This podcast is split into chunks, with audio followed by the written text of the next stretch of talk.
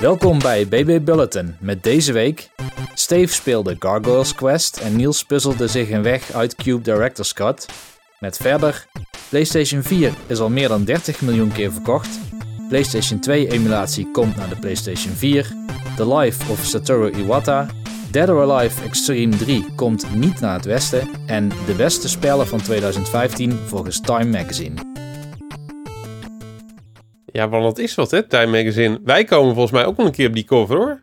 Dat eh, wordt hoog tijd, toch? Ja, ik, ik vind eigenlijk dat we er al hadden moeten staan, eh, Niels. Als de PS4 erop staat, moeten wij er ook op staan. Want wij zijn wel. ook in 2013 begonnen. Vind ik ook, vind ik ook. Maar Steve, jij hebt Gargoyles Quest gespeeld. Ik heb Gargoyles Quest gespeeld. Daar had ik zin in. En had ik zeg maar ook met een speciale reden eh, zin in. Want ik, Ja. ehm, ik had een paar weken geleden... had ik op de beurs in Tilburg een gemodde Game Boy gekocht. Of beter gezegd een gemodde Game Boy Pocket. Met een verbeterd scherm. Eh, of beter gezegd gewoon het, scherm wat er standaard in zit. Met een aantal dingen die ze daaraan verbeterd hebben. Om eh, dat scherm verder te pimpen. Een backlight die geplaatst is. En een chipje wat, erin, wat er bij dat scherm geplaatst is om hem bij te stellen. Of dat er allemaal ingewikkelde dingen, nabewerkingen op het contrast plaatsvinden. Met, eh, met inverteren en terug inverteren. Waardoor vervolgens de, eh, eh, het contrast gewoon een stuk beter is. Nou, een stuk beter. Aan, aanmerkelijk beter. Oké, alsof je een soort RGB-mod hebt geïnstalleerd. Zo zou je het kunnen beschrijven, maar dan zeg maar ja, binnen het spectrum aan, mo- aan wat mogelijk is met, met de Game Boy. Ja, het blijft trucage natuurlijk. Ja, en eh, het, het werkt wel. Het werkt wel. Je merkt echt wel verschillen in het eh, contrast. En ik heb nooit een Game Boy Pocket gehad eh, vroeger. En dit is zo'n mooie transparante. En ik vind het wel een heel mooi dingetje. Ik ben er heel blij mee. Ja, en als je ergens blij mee bent, dan moet je hem gebruiken ook. Ja, met Gargoyles Quest in jouw geval. Ja, dat dus- was sowieso een van jouw favoriete games, heb ik ooit gehoord. Ja, zowel een van mijn favoriete games als een van mijn favoriete ja, Game Boy games. Ja, Dus dat vond ik wel een hele mooie om op die manier eh, te gebruiken. En ik vind het nog steeds echt een heel leuk spel. Ik zit nog redelijk aan het, eh, aan het begin. Elke keer als ik dat spel weer ga spelen in de, joop, in de loop der jaren, dan kom ik er weer achter dat hij toch wel in sommige opzichten pittig is qua timing en qua vliegen en qua- met dat soort eh, dingen. Ehm, het is wel zeg maar een ander soort platformer. Je moet het wel eventjes in je, in je vingers krijgen. Dit is toch ook die game waar je op een gegeven moment in een woestijn bent en dan word je steeds weggeduwd door iets onzichtbaars. Volgens mij wel, ja. Ja. dat staat me wel heel erg bij. Het is een tijdje geleden dat ik op dat punt gekomen ben, maar volgens mij zit dat er gewoon in, ja. Ik heb het nooit gespeeld, Steve, maar ik ken het van Powerplay. Nou, maar dan heb je wel een heel goed geheugen. Of heb je die afleveringen laatst nog zitten kijken? Ja, op het forum heeft een member, die heet ook Tros Powerplay, die member. Ja, Die heeft een aantal eh, afleveringen teruggezocht en op YouTube geplaatst. En daardoor Nou, een aantal heb ik ze afleveringen, best wel veel zelfs. Daar heeft hij echt wel een projectje van gemaakt. Ja, precies. Maar anyway, ik heb hem echt zelf gespeeld eh, vroeger. Ja. Dus ik ken hem, eh, ja, ik ken hem echt nog van een stukje nostalgie. En ja, ik, ik vind het gewoon altijd gaaf om dat soort dingen echt weer her te beleven. Dit was de eerste Game Boy game die ik ooit heb gekocht. Oké. En volgens mij ook de eerste die ik eh, heb gespeeld. Want ik had hem toen samen met Tetris. En deze sprak me toch iets meer aan om erin te douwen dan Tetris. Ja, dat kan ik wel begrijpen. In de tijd, toch- eh, zeg maar, voor een, eh, ja, voor, een kind is het natuurlijk veel aantrekkelijker. Ja. Maar het is, het is ja, in ieder geval een game, en dat, maar dat zeg ik al jaren, die ik iedereen kan aanbevelen. Ah, mooi, Steve. Eh, ik eh, heb hem nog steeds niet gespeeld. Wordt wordt misschien is toch eens tijd. Wordt eens tijd. Ja, ik moet hem dan eerst zien te vinden. Of misschien is hij wel op de 3DS Virtual Console verkrijgbaar inmiddels. Eh, vast wel. En anders is die card only wel redelijk goedkoop te krijgen hoor, dat durf ik wel te zeggen. Oké. Maar zeer de moeite waard, Niels. Hoort echt wel bij. Ja, je hebt er genoeg over verteld tot nu toe dat ik wel overtuigd ben. Ja, en ik heb Cube Director's Cut gespeeld. Weer een indie game. En je zei, eh, ik heb gepuzzeld met, dus het is waarschijnlijk een puzzelgame. Ja, het is een puzzelgame. Het was origineel een afstudeerproject van een groep studenten. Ik ben vergeten van welke universiteit die studenten waren. Maar ehm, die hebben ze volgens mij toen voor Windows gepublished. En toen wilden ze het naar consoles brengen, maar toen hebben ze er ook een verhaal aan toegevoegd. Dus de Director's Cut is eigenlijk dezelfde game, maar dan met verhaal. En het doet een beetje denken, voor sommige mensen althans, aan eh, Portal. En dat komt vooral door de visuals. Het is heel veel wit en je zit in een soort kubus die weer bestaat uit heel veel kubussen. En ehm, het enige wat jij in het begin kan, is eh, je hebt twee handen of twee handschoenen heb je aan. En de ene handschoen kan bepaalde blokken activeren en de Ja. andere kan ze weer deactiveren. Oké. En je krijgt gedurende de game steeds meer soorten blokken die je kan bewerken. Je ziet het aan de kleur. Dus bijvoorbeeld een, een rood blok kun je uit de muur trekken tot drie keer. Dan heb je een soort lang platform. Eh, een blauw blok wordt een soort springplank als je die activeert. Je kan soms het level ook helemaal roteren of ondersteboven draaien. Soms moet je een bal eh, een parcours af laten leggen. En dan moet je dus real-time, terwijl die bal aan het rollen is, eh, bepaalde blokken activeren, deactiveren in de juiste volgorde om dat ding een bepaald traject mee te geven. Ja. En zo werk je je weg, ongeveer 4,5 uur heb ik er volgens mij over gedaan, uit die kubus. En die kubus wil je uit omdat ehm, je wordt in het begin van het spel benaderd door een vrouw. Die heeft contact met jou via de radio. Alleen je verschijnt of je verdwijnt steeds uit orbit. Dus heel lang heb je radiostilte voordat je weer een nieuwe flarde hoort van wat zij te vertellen heeft. Maar tegelijkertijd is er ook een man die heeft de radio gehackt. En die waarschuwt jou voor de kwaadwillendheid eigenlijk van, van die vrouw.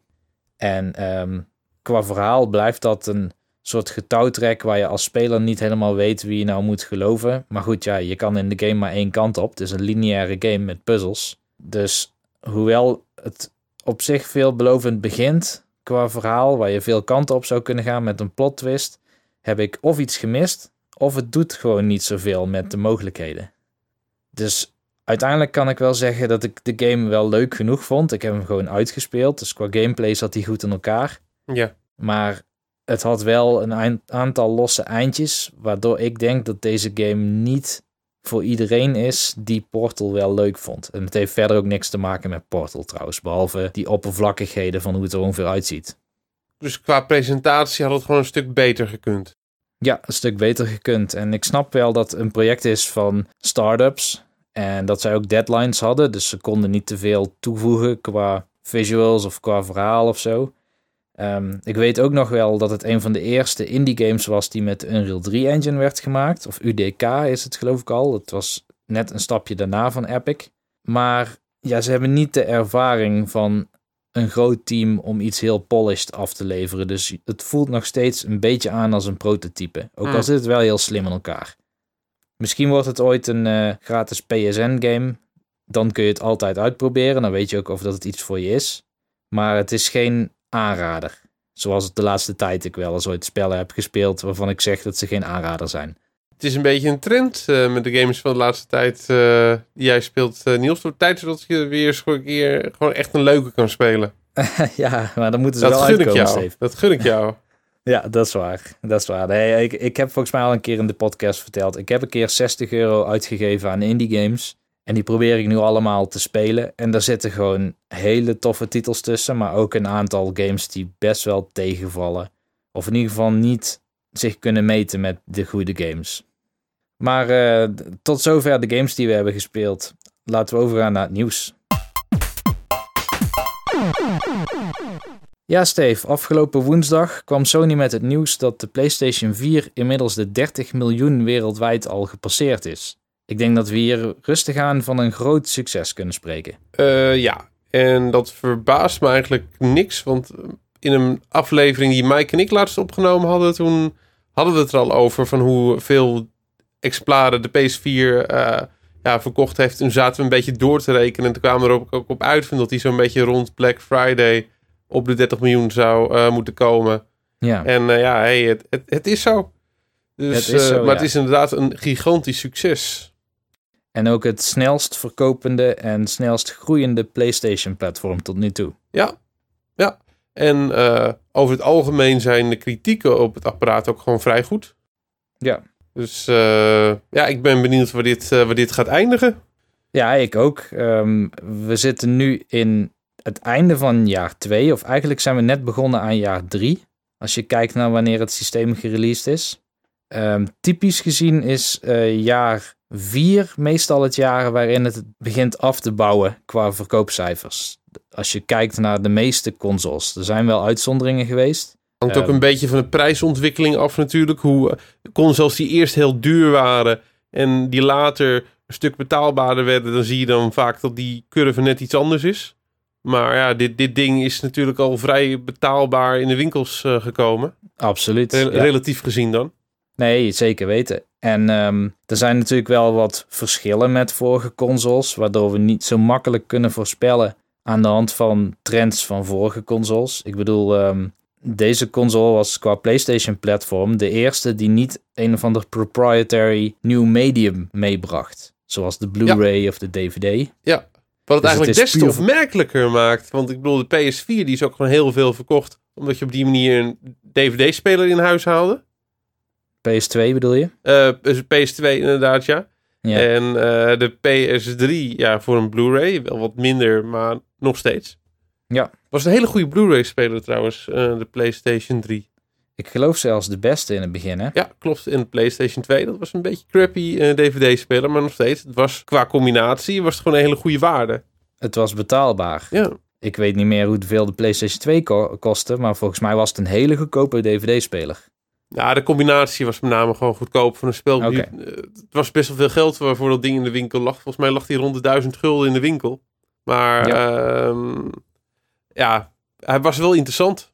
Ja, en Dus- andere dingen die het wat, wat moeilijker maken, misschien om te gokken waar gaat het nou precies naartoe in de komende jaren. De vraag is natuurlijk of dat PlayStation VR dezelfde functie krijgt als de Kinect had bij de 360. Of de iToy en SingStar combinatie bij de PlayStation 2. Waardoor het een soort tweede wind kreeg na een jaar of 4, 5. Nou, oh, daar durf ik wel een voorspellingje over te doen. Nou, dat VR het niet wordt, dat wordt je voorspelling. Maar misschien komt er wel iets anders. Eh, dat kan natuurlijk. Eh, misschien gaan ze wel, ja, eh, het is nog vroeg. Misschien gaan ze met heel iets anders komen. Nou ja, misschien is dit wel hetgeen waar ze mee komen, wat al een stukje helpt. Dat is het volgende nieuwsitem. Ja. De Sony heeft aangekondigd aan het werk te zijn aan PlayStation 2 emulatie. En we weten zeker dat ze aan het werk zijn, want er waren al wat voorbeelden uitgekomen bij een Star Wars bundle. Klopt. En die games die draaien echt op basis van emulatie. Dat zijn, ou- dat zijn oude Battlefront en wat andere oude Star Wars games. Ik heb even niet paraat welke het, eh, welke het zijn. Mhm. Maar eh, wat ik begrepen heb van analyse van de Digital Foundry van Eurogamer, is dat ze eh, echt enorm geupscaled worden en dat ze ook beter draaien dan PlayStation 4. Dat ze ook op 60 frames per seconde draaien, terwijl ze dat echt niet waren. Nee, klopt. Ik, eh, ik heb er wat footage van gezien van Battlefront. En het, eh, het scheelt heel wat eh, frames per seconde, maar het oogde ook heel veel scherper. Dat is leuk als we dat gaan doortrekken, want er zijn nog zat mooie PlayStation 2 games over die, eh, ja, die echt wel weer eh, gespeeld kunnen worden. En met trophies, als je daarvan houdt. Met trophies inderdaad. En dat ik denk had ik dat echt dat niet voor- verwacht. Nee, ik ook niet. Dat is wel echt een goede service. Ja. Het is niet helemaal hetzelfde als wat we laatst eh, vertelden over de eh, Xbox One. Want het is geen backwards compatibility. Je moet je titels wel opnieuw kopen. Ja, althans op dit moment. Misschien gaan ze daar opeens nog iets mee doen. Dan denk ik dat niet. Ja, of misschien wel streaming. Want ze hadden natuurlijk eh, niet OnLive, maar dat andere streamingbedrijf opgekocht. Was weer vergeten hoe die heet. OnLive hebben ze later volgens mij ook eh, gekocht hoor. Hebben ze die ook gekocht? Oké. Ja. Nou, we, we weten dat ze bezig zijn met iets waarmee ze hun back catalog kunnen streamen naar nieuwe gebruikers. Ook gebruikers die geen PlayStation-platform hebben, maar bijvoorbeeld een televisie met ondersteuning. Iets anders, Steve. En dit was een nieuwtje waar jij mee kwam. En ik had het eerlijk gezegd nog niet gezien online. Maar ehm, eh, het is zeker de moeite waard eventjes te bespreken. Dead or Alive Extreme 3. Die komt niet uit in het Westen. Niet in Europa en niet uit in Amerika. Vanwege de eh, ja, geseksualiseerde content. Ja, En dat is eigenlijk ehm, nu het zoveelste eh, voorbeeld in een trend. Want jij kwam er laatst mee van, zeg maar, van zo'n van die Wii U game, die horror game. Van dat Ja. daar zeg maar bepaalde outfits uitgehaald eh, waren. En zo waren er nog een aantal eh, games waar ze zeg maar opeens zeg maar die, die Japanse stoeipakjes, noem ik het maar eventjes, opeens allemaal uitgefilterd hebben. Worden we preutser met z'n allen, eh, Niels? Ik weet het niet, Steve. Ik kan me nog herinneren, Dead or Alive Extreme Beach Volleyball. Die lag gewoon bij de Intertoys in de schappen. Ja, dat was allemaal toen nog hartstikke hip. Ongecensureerd, of Ja. wat dan ook. Ja, dan blijft er ook weinig over hoor. Op het moment dat je daar al het eh, vrouwelijk schoon in eh, zou gaan censureren. Dat is natuurlijk zo. Ja, wat ik vond in ieder geval inmiddels opvallend. Juist omdat we nu een- paar voorbeelden op rij hier van de revue, revue hadden laten passeren, viel die voor mij op. Nee, ik, eh, ik geef je daar helemaal gelijk in. Het valt vooral op dat ze hem echt helemaal niet gaan lokaliseren. Ja, dat snap ik dan wel. Wat ik al zei, als je dit soort games gaat censureren, blijft er niks over. Want het is, het is echt het selling point eh, van zo'n game. Waar games als Senran Kagura zijn wel uitgekomen. En dat is een soort hack and slash waar je elkaars kleren bij uitslaat. Oh, die titel heb ik gemist. Die komt op mijn lijstje. Oké, dit is voor de 3DS. En er staat op het doosje eh, twee goede redenen om het spel te spelen of zoiets. Geweldig. Gewoon in het, geweldig, joh. Gewoon in het westen. ja, dat gewoon het mooi? westen. en Ik vind in dat mooi. face. Nee, maar zeer opmerkelijk inderdaad. En ehm, ja, ik hoop niet dat het een trend is die door gaat zetten. Ik bedoel, het is niet het soort games of zo wat ik in, in huis haal. Ik was sowieso niet geïnteresseerd in Dead or Alive Extreme 3. Maar de trend, het zorgt er wel voor dat we gewoon veel minder titels hier in het westen krijgen die daar worden gemaakt. En waardoor blijkbaar best grote teams aan hebben gezeten. Ja, Team Ninja, dat is geen kleine, dat is geen kleine ontwikkelaar. Nee, inderdaad. Een ander nieuwtje. Laatst is er een documentaire uitgekomen op YouTube. Volgens mij door een fan gemaakt. Het heette The Life of Satoru Iwata. Heb je die toevallig gezien, Steve? Eh, nee, ik hoorde het eigenlijk eh, van, eh, van jou. Ik had, hem, ik had hem gemist. Maar er is toch een soort met van ja, heldenverering ontstaan rond Iwata. Dus het verbaast me niet. Ik, ik Nee, zag ik- ook volgens mij een Kickstarter. Ik weet niet of die doorgegaan is. Van Mhm. een ontwikkelaar, waarschijnlijk een indie-ontwikkelaar... die ook een soort van platformgame wou maken om Iwata te eren. Oké, Met dat, Iwata is, dat als- is voor mij weer als figuurtje. Dat, dat klinkt wel heel tof. Als een eh, toffe hommage. Ik vond het ook een beetje... eh, klinkt als lijkenpikkerij, maar ja, dat is... eh, dit, Of dat, ja, nee, ja Het kan allebei met elkaar verenigd worden, toch? eh, blijkbaar. Nou, ik heb het nog niet gezien. Misschien is het wel echt een, eh, een- een mooi project. We zullen zien. Maar ik kwam het tegen op het Button Bashers forum. Dat was een forumlid die had hem gepost in het eh, al het andere topic. Een topic wat normaal wordt gebruikt voor allerlei niet game-related boodschappen. Eh, dus ik heb het wel zitten kijken, Steve, tijdens mijn lunchpauze. En het is wel echt een aanrader. Hoe lang duurt die? Volgens mij bijna 40 minuten. En het heeft uit mijn hoofd zo'n zes hoofdstukken. Maar het maakt veel duidelijk over waarom die Iwata nou zo gerespecteerd werd door de industrie. Vanaf het prille begin waar hij, waar hij een baseballgame maakte voor een eh, programmeerbare rekenmachine. Tot aan zijn werk bij HAL Laboratories, waar hij onder andere aan Kirby heeft gewerkt en aan eh, Earthbound. En eh, daar wordt ook heel duidelijk waarom hij als programmeur zo werd gerespecteerd. Want hij heeft dus een aantal projecten.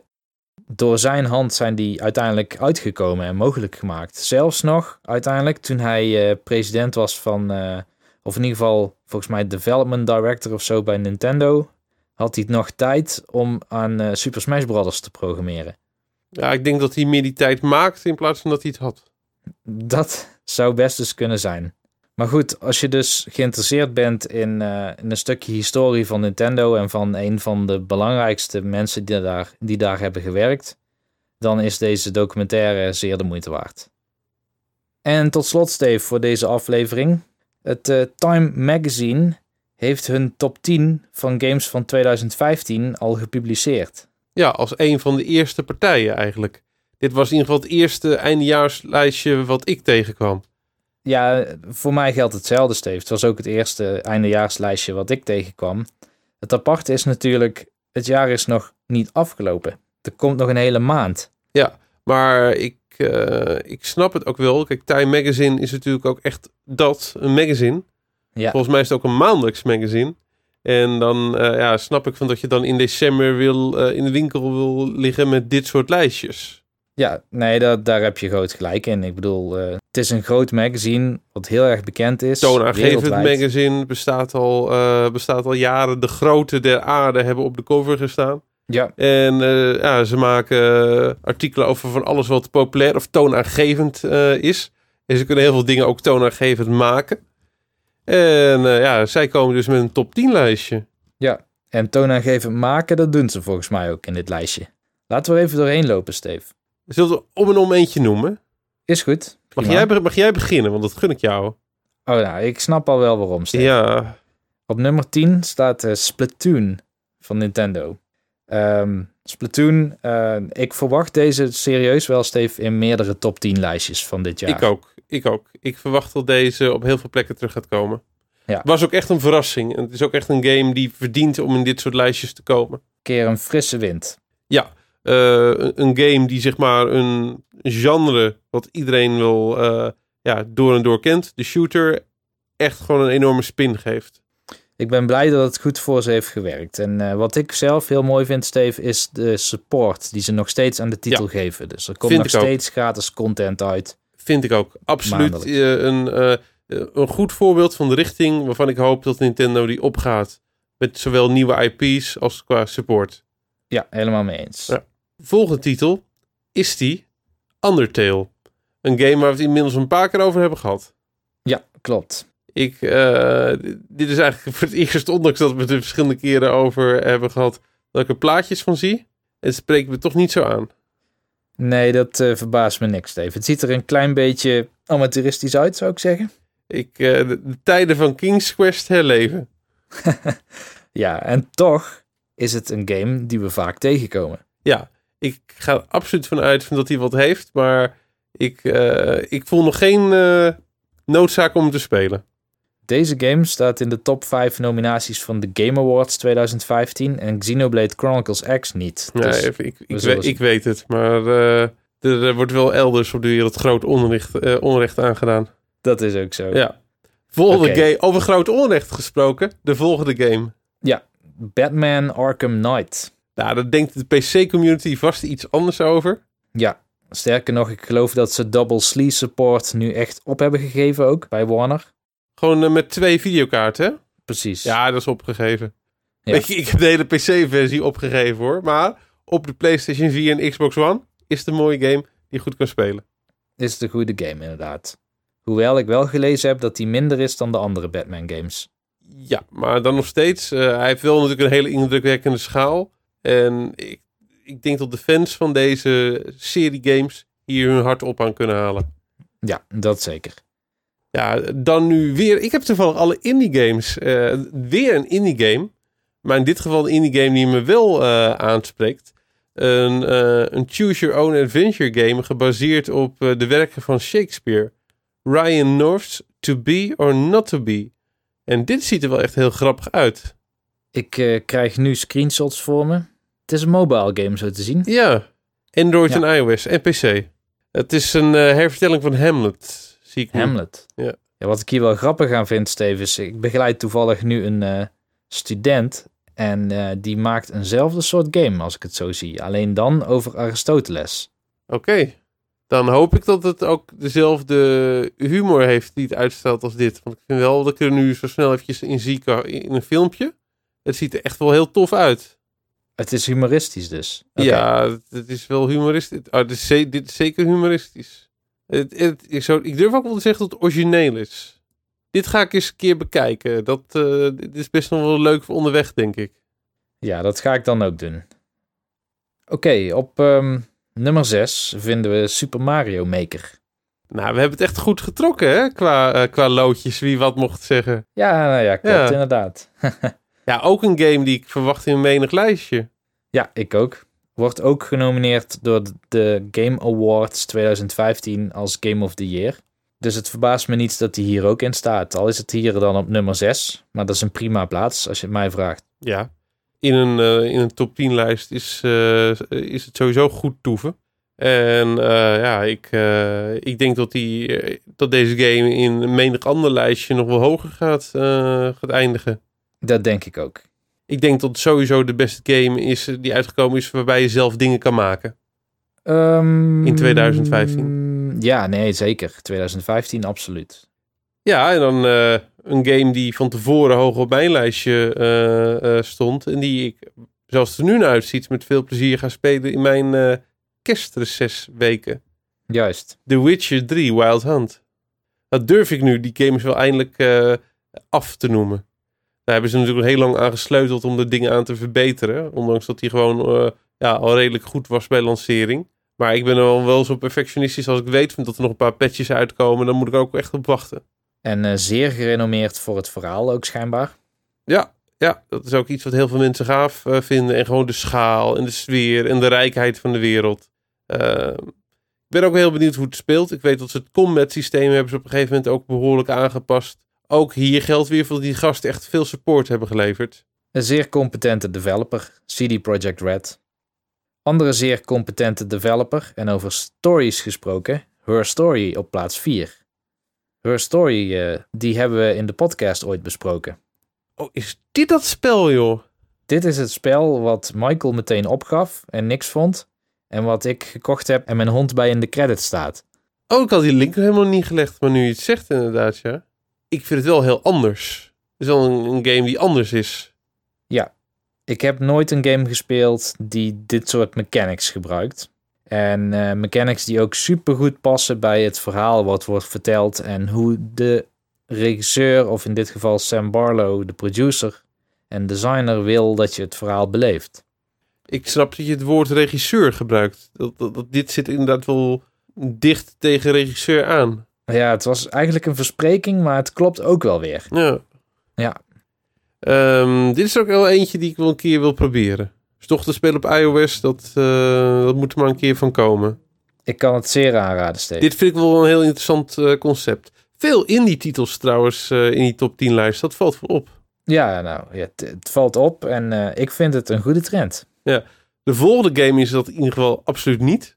Al is eh, de developer van deze game inmiddels ook wel indie. Want bij een grote studio werkt hij niet meer. Dat is eh, Metal Gear eh, Solid 5, de Phantom, de Phantom Pain van Kojima. Ja, ik heb daar echt hele goede dingen over gehoord. Ja, ik ook. Tenminste, qua gameplay. Ja, maar ook gewoon qua, qua sfeer en qua wereld en qua graphics. Het is echt wel een, ja, een game die indruk maakt. Volgens mij ook helemaal 60 frames per seconde. Ja, Dat zijn ook niet veel van dit soort sandbox, sandbox-achtige games. Ehm, ik hou alleen niet van Metal Gear. En ik ga deze ook waarschijnlijk gewoon niet spelen.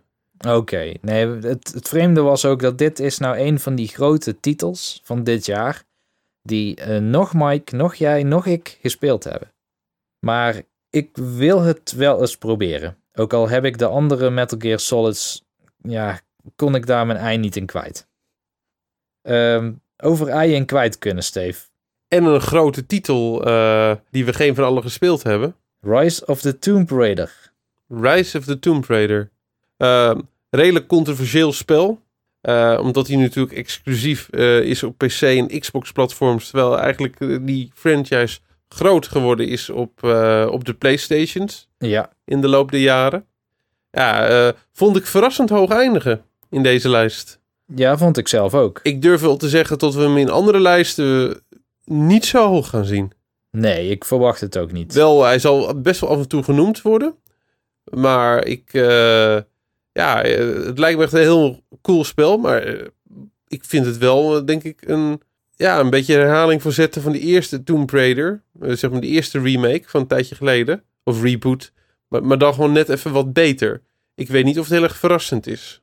Maar eh, ik, ik ga, absoluut ervan uit dat het een hele solide game eh, is. Want ja, dat was die vorige Tomb Raider ook. En volgens mij hebben ze wel juist van veel dingen geleerd.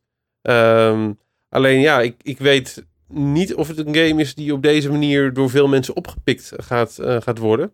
Ik las in ieder geval dat in Engeland die maar een derde verkocht heeft van wat, die, van wat de eerste Tomb Raider verkocht had bij lancering. En ik kan me ook nog verhalen herinneren dat ze in eerste instantie ook helemaal niet blij waren met hoeveel, de Tomb, hoeveel Tomb Raider in eerste instantie had verkocht. Klopt, ja. Want eh, er kwam een remake aan te pas om development budget terug te verdienen. Ja. Dus ja, En uiteindelijk is dat wel de best verkochte Tomb Raider uit de franchise geworden. Alleen hebben ze inderdaad echt wel eh, aardig wat eh, dingetjes voor moeten proberen. inderdaad. Dus ja, en op het moment van tot, eh, tot deze game uit gaat komen op, eh, op de PS4, is dan toch alweer een beetje een soort van oud nieuws. En dan gaat hij misschien toch niet dezelfde, hij gaat nooit op dezelfde PR-golf komen als dat je het zeg maar allemaal tegelijk released, lijkt mij. Nee, klopt. En ik geloof dat het, het eh, timed exclusive window ook is op het moment dat er ook weer hele grote najaartitels uitgebracht gaan worden. Oh, kijk. en Lekker nu hadden we natuurlijk Fallout 4. Ja, die volgens mij in dezelfde week of zelfs op dezelfde dag uitkwam. Op zelfs op dezelfde dag inderdaad. Maar ja, wat krijg je dan volgend jaar? Het kan best wel Mass Effect 4 zijn of zo. maar wat. 2.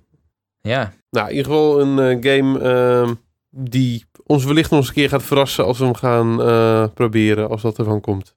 als dat ervan komt inderdaad. Een game die in ieder geval mij ook verraste, namelijk de nummer 1, waar ik zelf nog nooit van had gehoord, die ik inmiddels heb gedownload, maar nog niet heb gespeeld, is Prune.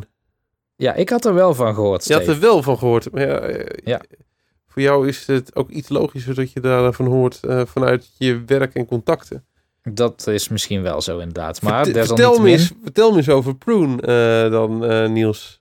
Prune is een game waarin je een boom laat groeien. Maar die moet in het licht blijven groeien. Dus die moet je real-time ook snoeien.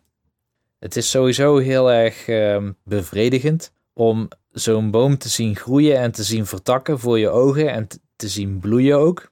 Dus het is vooral een, een nieuwe ervaring. Een soort snoeigame, snoei-puzzelgame. Kan je, het ook, kan je ook dingen fout doen? Jazeker.